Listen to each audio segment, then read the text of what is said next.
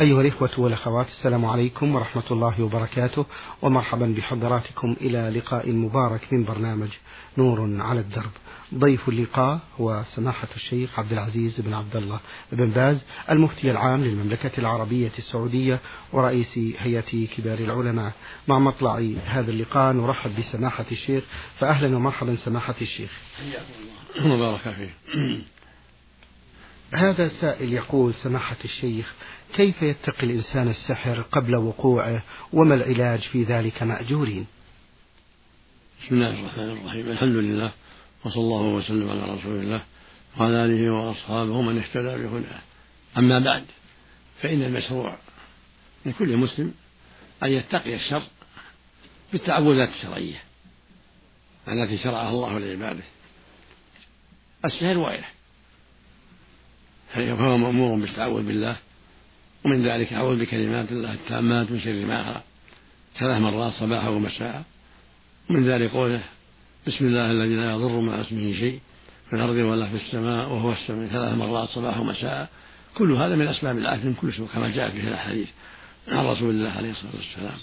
ومن ذلك قراءة آية الكرسي بعد كل صلاة وعند النوم هي من أسباب العافية أيضا والسلامة. ومن ذلك قراءة قل هو الله أحد والمعوذتين صباحا ومساء ثلاث مرات من أسباب العافية من كل شر. وقراءة هذه السورة الثلاث عند النوم مع النفس في الكفين عند النوم والمسح على الرأس والوجه والصدر كل هذا من أسباب العافية من كل سوء السحر وغيره. وهكذا بقية الدعاء. اللهم إني أسألك العافية في الدنيا والآخرة كما في الحديث صلى الله عليه وسلم سأل الله العافية في الدنيا والآخرة. فما وطئ أحد خيرا وأفضل من العافية أو كما قال عليه الصلاة والسلام. اللهم إني أعوذ من الشر كله. اللهم إني أعوذ من كل داء أعوذ بك من كل ما يسخطك اللهم إني أعوذ بك من كل ما يضرني. المقصود يتعوذ بالله من كل شر. لكن التعوذ لكن استعمال التعوذات الشرعية والأدوية الشرعية يكون أفضل. أحسن الله إليكم سماحة الشيخ. ماذا ورد في أكل التمرات السبع؟ وهل هي من نوع مخصص؟ هذا أيضا من العلاج. يقول النبي صلى الله عليه وسلم من صبها بسبع تمرات من أجلة المدينة لم يضره سحر ولا سم. وفي لفظ مما بين لابتيها. يعني من تمر المدينة كله مما بين لابتيها. لم يضره سحر ولا سم. ويرجى في بقية التمر كذلك. يرجى أن بقية التمر إذا تصبح بسبع تمرات أن الله ينفعه بذلك أيضا. سماحة الشيخ حفظكم الله ما أفضل الأدعية الجامعة في القراءة على المريض؟ وأيضا ما هي الآيات الواردة في ذلك؟ من الأدعية الجامعة الواردة قول صلى الله عليه وسلم ألف بالناس رب الناس. واشفي أنت الشافي لا شفاء لا شفاء شفاء لا يغادر سقما هذا من أجمع الدعاء وأصح الدعاء.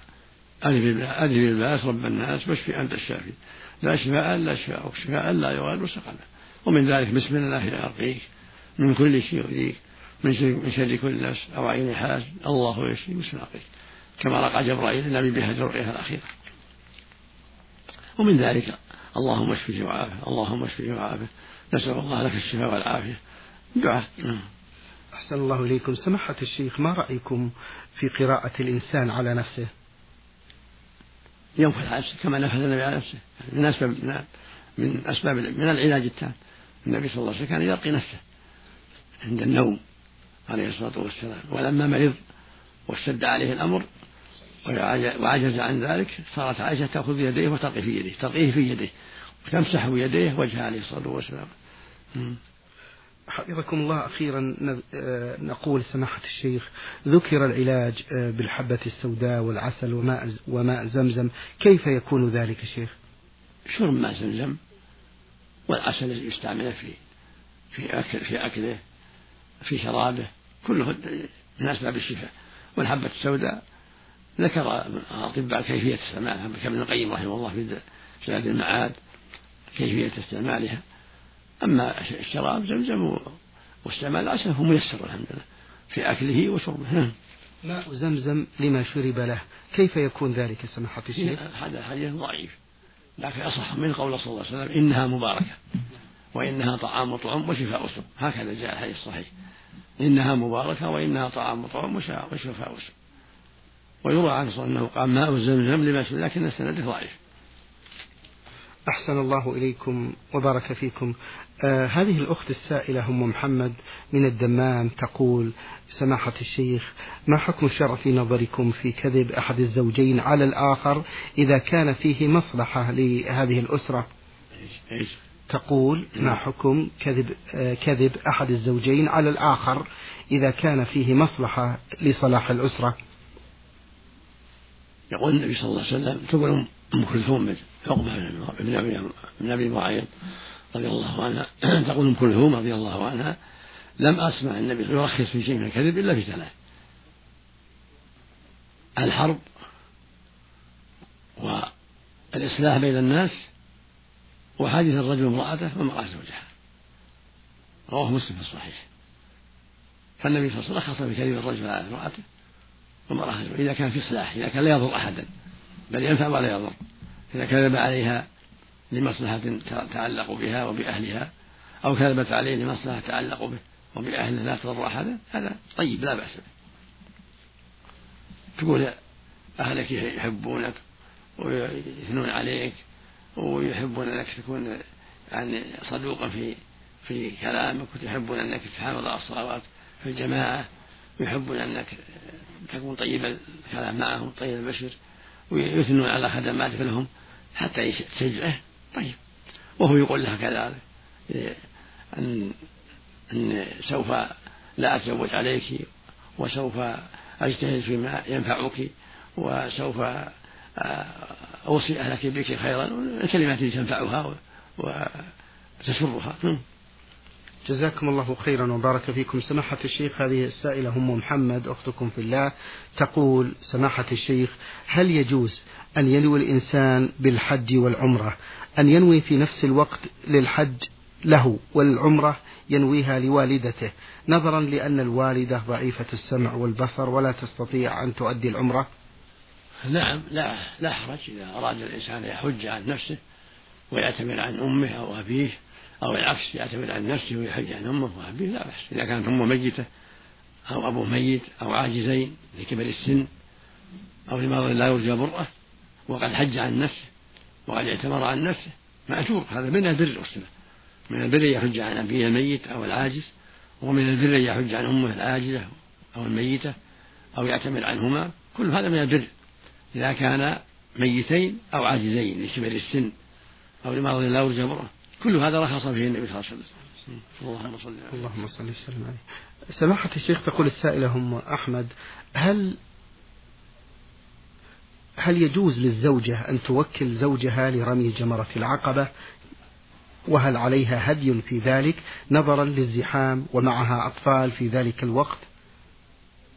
نعم إذا كانت عاجزة لا توكل زوجها أو غيره توكل ثقة يروي عنها. إذا كانت ضعيفة لا تستطيع الزحام أو كبيرة السن لا تستطيع أو عندها أطفال ما تستطيع تتركهم توكل زوجها إذا كان ثقة أو غيره من الثقات يرمي عنها ولا حرج.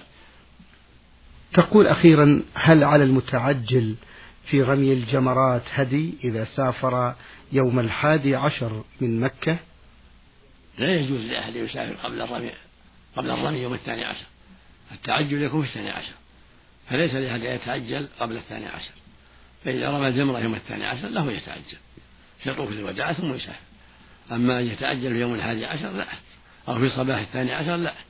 التعجل يكون في اليوم الثاني عشر بعد الرمي بعد الزوال. ثم إذا رمى بعد الزوال يذهب إلى مكة ويطوف طواف الوداع. إذا كان طاف طواف الإفاضة يطوف طواف الوداع. ثم يسافر إذا أحب وإن كان ما طاف طواف الإفاضة يطوف طواف الإفاضة طواف الحج. ويسافر يكفيه عن طواف الوداع. إذا كان بعد الرمي في اليوم الثاني عشر أو في اليوم الثالث عشر. وإذا طاف طوافين طواف الحج وطواف الوداع كان أكمل وأفضل. أحسن الله إليكم. سماحة الشيخ الذي سافر يوم الحادي عشر ماذا يلزمه؟ يلزمه دمان دم عن ترك الرمي ودم عن ترك الوداع لأن الوداع ما هو في محله طاف في مغرب في محل الوداع. ودم ثالث إذا كان ما بات ليلتي 11 و 12 في منى لأن المبيت في منى ليلة 11 و 12 واجب إذا قدر إذا استطاع يبيت في منى وجب عليه في ليلة الحادي عشر والثاني عشر. ويجب عليه يرمي الجمار الحادي عشر والثاني عشر. ثم الوداع بعد ذلك. فإذا ترك واحدا من هذا ما بات ليلتين أو ما رمى الجمار يوم الثاني عشر أو وادى قبل الرمي الجمار الثاني عشر أو خرج ولم يوادع هذه عن كل واحد دم عن طواف الوداع دم إذا تركه وعن ترك الرمي يوم الثاني عشر دم وعن ترك المبيت في ليلتي إحدى عشر واثنى عشر دم. أحسن الله إليكم وبارك فيكم سماحة الشيخ. هذه سائلة للبرنامج تقول امرأة أصيبت بعين لجمال شعرها وأصبح الشعر الطويل يؤذيها ففي كل شهر ففي كل شهر تضطر أن تقصه إلى بداية رقبتها تحت الأذن. آه، ما حكم هذا القص وماذا تفعل حفظكم الله؟ إذا دعت الحاجة إلى هذا لا, لا بأس. القص أمهات المؤمنين زوجات النبي صلى الله عليه وسلم لما توفي صلى الله عليه وسلم قصصنا من رؤوسهن خففنا منها. لكلفة التعب في مشتها وكدها ونحو ذلك. فإذا قصت منه لمصلحة أنه يؤذيها ويضرها فلا حرج. لكن لا تقص للتشبه بالرجال أو التشبه بالكافرات لا. إذا قصت من رأسها للمشقة للتعب فلا بأس. أحسن الله إليكم سماحة الشيخ من أسئلة هذه السائلة. تقول ما حكم ضرب الأطفال الذين دون سن العاشرة على أي أمر يفعلونه؟ وما توجيهكم بذلك مأجورين؟ للوالد والوالدة تعجب الأطفال إذا رأي ذلك. ولو كان دون العاشرة ولو كان دون السابعة. إذا رأى أن يعذب ولده ذكرا كان أو أنثى لا بأس. لكن بالشيء الذي يناسبه لا يضره. تأديب خفيف ينفعه ولا يضره. إذا كان يتعدى على إخوانه الصغار إذا كان يعبث في البيت عبثا يؤذي أو ما أشبه ذلك يؤدب. ضربات خفيفة أو بالكلام الشديد الذي يردعه أو بضربات خفيفة أو منع من بعض حاجاته التي يريدها حتى يتأدب. من الزوج من الأم والأب ومن أخيه الكبير إذا كان ما عنده أب ولا أم أو من عمه أو من خالته على على حسب حاله. يعني ممن يربيه ويقوم عليه. له أن يؤدب سواء كان أم أو أب أو خال أو خالة أو أخ كبير على حسب الحال. فالذي يربيه ويقوم عليه له أن يؤدبه له أن يؤدبه بالشيء الذي لا يضره شيء خفيف لكن يحصل به النفع. أحسن الله إليكم. سماحة الشيخ من أسئلة هذه السائلة حفظكم الله تسأل وتقول ما حكم لبس القصير بالنسبة للمرأة أثناء وجود المحارم من أب وعم إلى غيرهم؟ ويكون هذا القصر بمقدار شبر من فوق الكعب. الأفضل أن تكون محتشمة. هذا هو الأفضل لها. وإلا ساقها مهم بالنسبة إلى محرمها أخيها وأبيها. هكذا رأسها ليس عورة لكن كونها تحتشم وتستر ساقها ورأسها ولا تبدي إلى الوجه والكفين يكون هذا أفضل وأبعد عن الخطر. لأن بعض المحارم قد يكون لا خير فيه. فإذا تسترت تسترت واحتشمت في مثل ساقيها وستر رأسها وذراعيها كان ذلك أكمل وأحوط أبعد عن الشبهة. نعم. جزاكم الله خير يا سماحة الشيخ. من أسئلتها أيضا سماحة الشيخ تقول شخص أخذ من مال أبيه دون علمه لضرورة دعته إلى ذلك العمل ثم رد هذا المبلغ بعد فترة من الزمن من غير علمه أيضا. ما حكم ما فعله مأجورين؟ الواجب لا يأخذ المال إلا بإذنه. إلا إذا كان إذا كان قصر في النفقة. وإذا كان أبوه الذي ينفق عليه وهو عاجز ما عنده شيء وأبوه الذي ينفق عليه له أن يأخذ من ماله ما يحتاجه في النفقة من غير إسراف من طعام أو نقود للكسوة من غير إسراف. إذا كان والده بخيل يقصر فله يأخذ ما يكمل النفقة. أما أن يأخذ أموال زيادة على هذا لتجارته أو لأسباب أخرى لا ليس له يأخذ إلا بإذن لأن أموال غير محرمة هذا يقول النبي صلى الله عليه وسلم كل المسلم على المسلم حرام دمه وماله وعرضه ليس الإنسان يأخذ مال أخيه إلا بحق. ولو زعم أنه سيرده ولو أنه على سبيل القرض إلا بإذن لكن إذا كان ذلك يتعلق بطعامه وشرابه وكسوته لأن أبو لأن أباه كان مقصر في سد حاجته فله أن يأخذ بقدر حاجته. في ملبسه ومأكله ومشربه والزوجة لها أن تأخذ إذا قصر عليها لها أن تأخذ قدر حاجتها من دون زيادة.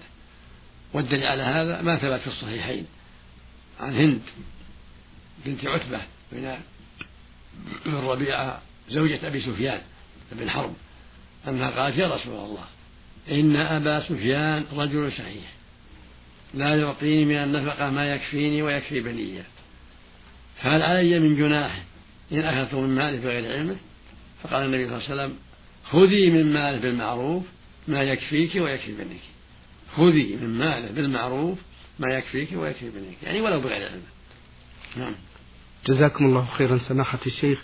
من أسئلتها تقول سماحة الشيخ بأنه نزل أثناء وجودهم في المدرسة مطر غزير فاستدعى الأمر أن يدخلوا في مسجد المدرسة تقول وهي حائض فدخلت معهم هل عليها شيء؟ وهل المسجد في المدرسة يأخذ حكم المصلى؟ وفقكم الله.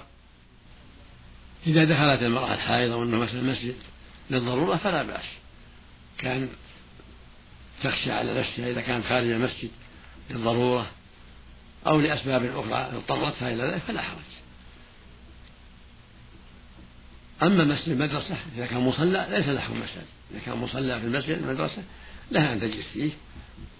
لأن ليس لها حكم مساجد المصلى في المدارس ليس له حكم المساجد. فللحائض والنفساء أن تجلس في المصلى لسماع الخطبة أو سماع الدرس أو الفائدة. نعم. أحسن الله إليك يا شيخ. آه، ما حكم لمس المرأة الحائض للمصحف إذا وجدته في الأرض وليس معها حائل ورفعته؟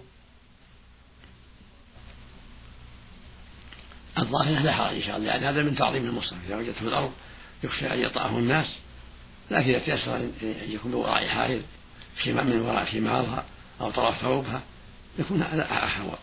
تأخذه بخمار أو بخطة أخرى بين يديها وبين المصحف هذا أفضل. حتى تضعه في المحل المناسب. أخيرا تقول السائلة سماحة الشيخ أسأل عن حكم استخدام أدوات التجميل آه، الكثيرة التي توضع لكل جزئية من أجزاء الوجه. إيش؟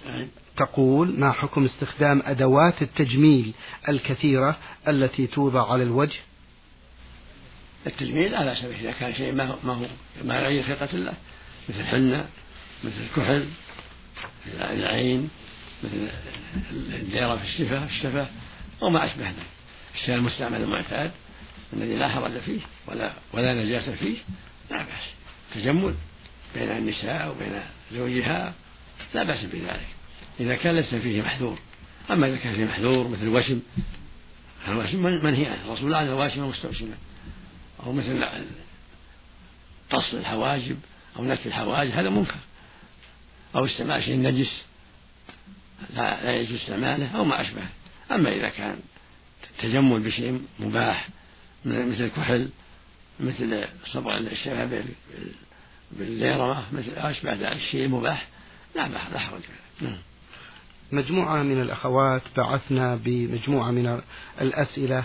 يقولنا السلام عليكم ورحمة الله وبركاته. سماحة الشيخ هل يجوز الكذب خوفا من العين كأن تقول الفتاة بأن تقديرها جيد جدا في نتائج الامتحانات وتقديرها ممتاز في الشهادة خوفا من العين؟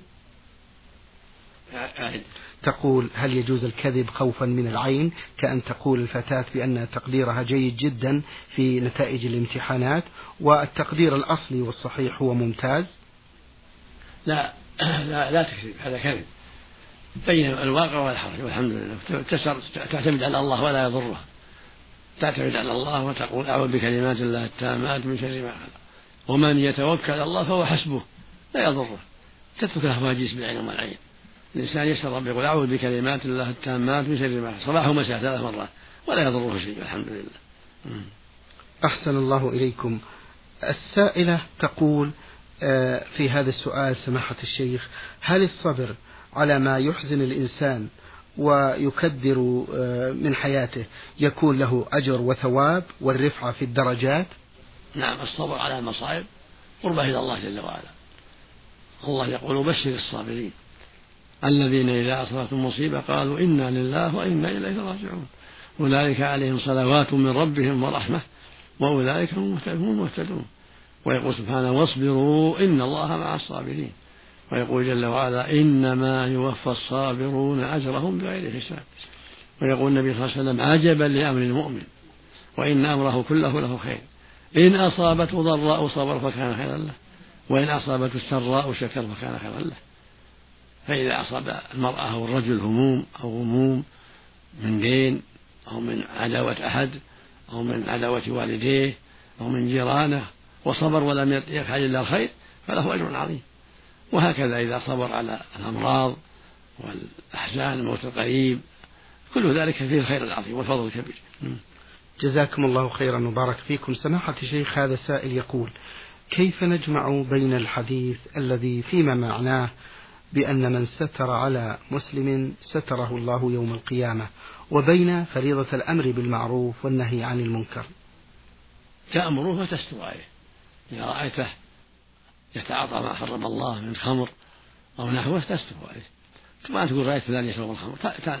تأمره بالمعروف تنهى عن المنكر تنصحه وتوصيه بالخير ولا تقول تفضح عند الناس. ألا إذا هو فضح نفسه اللي يشرب الخمر عند الناس فضح نفسه. من أعلن من أعلن المعاصي ما له غيبة. هو اللي فضح نفسه. لكن إذا كان يتستر في بيته ورأيته صادفته لا لا لا تكشف ستره. لا تعلن أمره. يقول النبي صلى الله عليه وسلم من ستر مسلما ستره الله في الدنيا والآخرة. لكن تنصحه تأمر بالمعروف تنهى عن المنكر ولا تفضحه. نعم. أحسن الله إليكم سماحة الشيخ. يقول السائل سماحة الشيخ أريد السعادة. ولكن أين الطريق الموصل إليها؟ مع العلم بأنني قد بدأت والحمد لله في الاستقامة على شرع الله وسنة رسوله صلى الله عليه وسلم. وجهوني يا سماحة الشيخ. السعادة طريقها واضح. من أراد السعادة فعليه بأسبابها. الله وأسبابها طاعة الله ورسوله وصحبة الأخيار والبعد عن صحبة الأشرار والصبر على المصائب والشكر عند النعم. هذه السعادة. أن تكون صبورا على طاعة الله صبورا عن معاصي الله شكورا عند النعم بعيدا عن صحبة الأشرار قريبا من صحبة الأخيار مكثرا لذكر الله عز وجل والدعاء. هذه هذه السعادة. من أراد السعادة فعليه بطاعة الله ورسوله والاستقامة على دين الله وصحبة الأخيار والصبر على مر الأقدار والشكر عند النعم. هذه السعادة في الدنيا والآخرة. اللهم المستعان اللهم المستعان أحسن الله إليكم وبارك فيكم سماحة الشيخ. آه هذه سائلة رمزت لاسمها براء باء كاف العرفجي تقول ما حكم ركوب امرأتين أو أكثر مع سائق النقل بدون محرم وذلك للضرورة مع كونهن متحجبات ومتسترات بالشرع بالحجاب الشرعي وذلك مثل نقل مدرسات أو طالبات مأجورين. إذا كان الركوب مع السائق في غير سفر في البلد فلا بأس إذا كنا اثنتين أو أكثر لا حرج. المحرم الخلوة إذا كان وحده. أما إذا كان اثنتين أو ثلاثة أو أكثر وليس هناك تهمة فلا حرج في ذلك. أما السفر لا لا تسافر إلا مع محرم. والواحدة لا تركب مع الأجنبي ولو في البلد. نعم. لأن هذه خلوة. والرسول صلى الله عليه وسلم يقول لا يخلون رجل امرأة فإن الشيطان ثالثهما. أه، حفظكم الله من أسئلتها تقول هل يجوز للمرأة أن تجلس مع حماها إذا اضطرت إلى ذلك؟ وتكون هذه المرأة متغطية وعليها الحجاب الذي يغطي الرأس وجميع جسمها؟ نعم لها أن تجلس مع أخي زوجها وعم زوجها إذا كان معهما ثالث بدون شبهة. أما أن تخلو بعم زوجها أو بخير زوجها لا ما يجوز الخلوة. الرسول صلى الله عليه وسلم قال لا يخلو الرجل بامرأة إلا ومعها محرم لا يجوز لها الخلوة لكن إذا جلست مع أخي زوجها أو عم زوجها بحضرة أبيها بحضرة أمها بحضرة أخواتها لا بأس. المحرم الخلوة. أحسن الله إليكم سماحة الشيخ من أسئلة هذه السائلة تقول ما رأي سماحتكم؟ حفظكم الله ورعاكم في من فعل ذنوب كثيرة وارتكب الكبائر منذ صغره ثم تاب إلى الله توبة نصوح هل له من توبة؟ وهل إذا تاب؟ وأحسن العمل. هل تمحى جميع ذنوبه السابقة أم أنه لا بد أن يحاسب عليها مأجورين؟ متى تاب العبد توبة صادقة نصوحا من جميع سيئاته غفرها الله له. حتى ولو كانت الشرك إذا تاب توبة صحيحة صادقة نصوحا بالندم والإقلاع والعزم أن لا يعود وأتبعها بالعمل الصالح فله أجر عظيم. والله يمحو سيئاته ويبدلها حسنات جل وعلا. قال تعالى وإني لغفار لمن تاب وآمن وعمل صالحا ثم اهتدى. وقال جل وعلا والذين لا يدعون مع الله إلها آخر ولا يقتلون النفس التي حرم الله إلا بالحق ولا يزنون ومن يفعل ذلك يلقى أثاما يضاعف له العذاب يوم القيامة ويخلد فيه مهانا إلا من تاب وآمن وعمل عملا صالحا فأولئك يبدل الله سيئات حسنات وكان الله غفورا مع التوبة يبدل الله سيئات حسنات. إذا تابوا توبة صادقة من الشرك من الزنا من شرب المسكر من العقوق من القتل من غير هذا. إذا تاب توبة صادقة ندم ندما صادقا وعزم أن لا يعود في المعاصي واستقام على طاعة الله ورسوله كفر الله سيئاته وأبدلها حسنات. سبحانه وتعالى. شكر الله لكم السماحة الشيخ وبارك الله فيكم وفي علمكم ونفع بكم الإسلام والمسلمين. أيها الإخوة والأخوات أجاب عن أسئلتكم سماحة الشيخ عبد العزيز بن عبد الله بن باز. المفتي العام للمملكة العربية السعودية ورئيس هيئة كبار العلماء. شكر الله لسماحة الشيخ وشكرا لزميل مهندس الصوت فهد بن محمد العثمان. والسلام عليكم ورحمة الله وبركاته.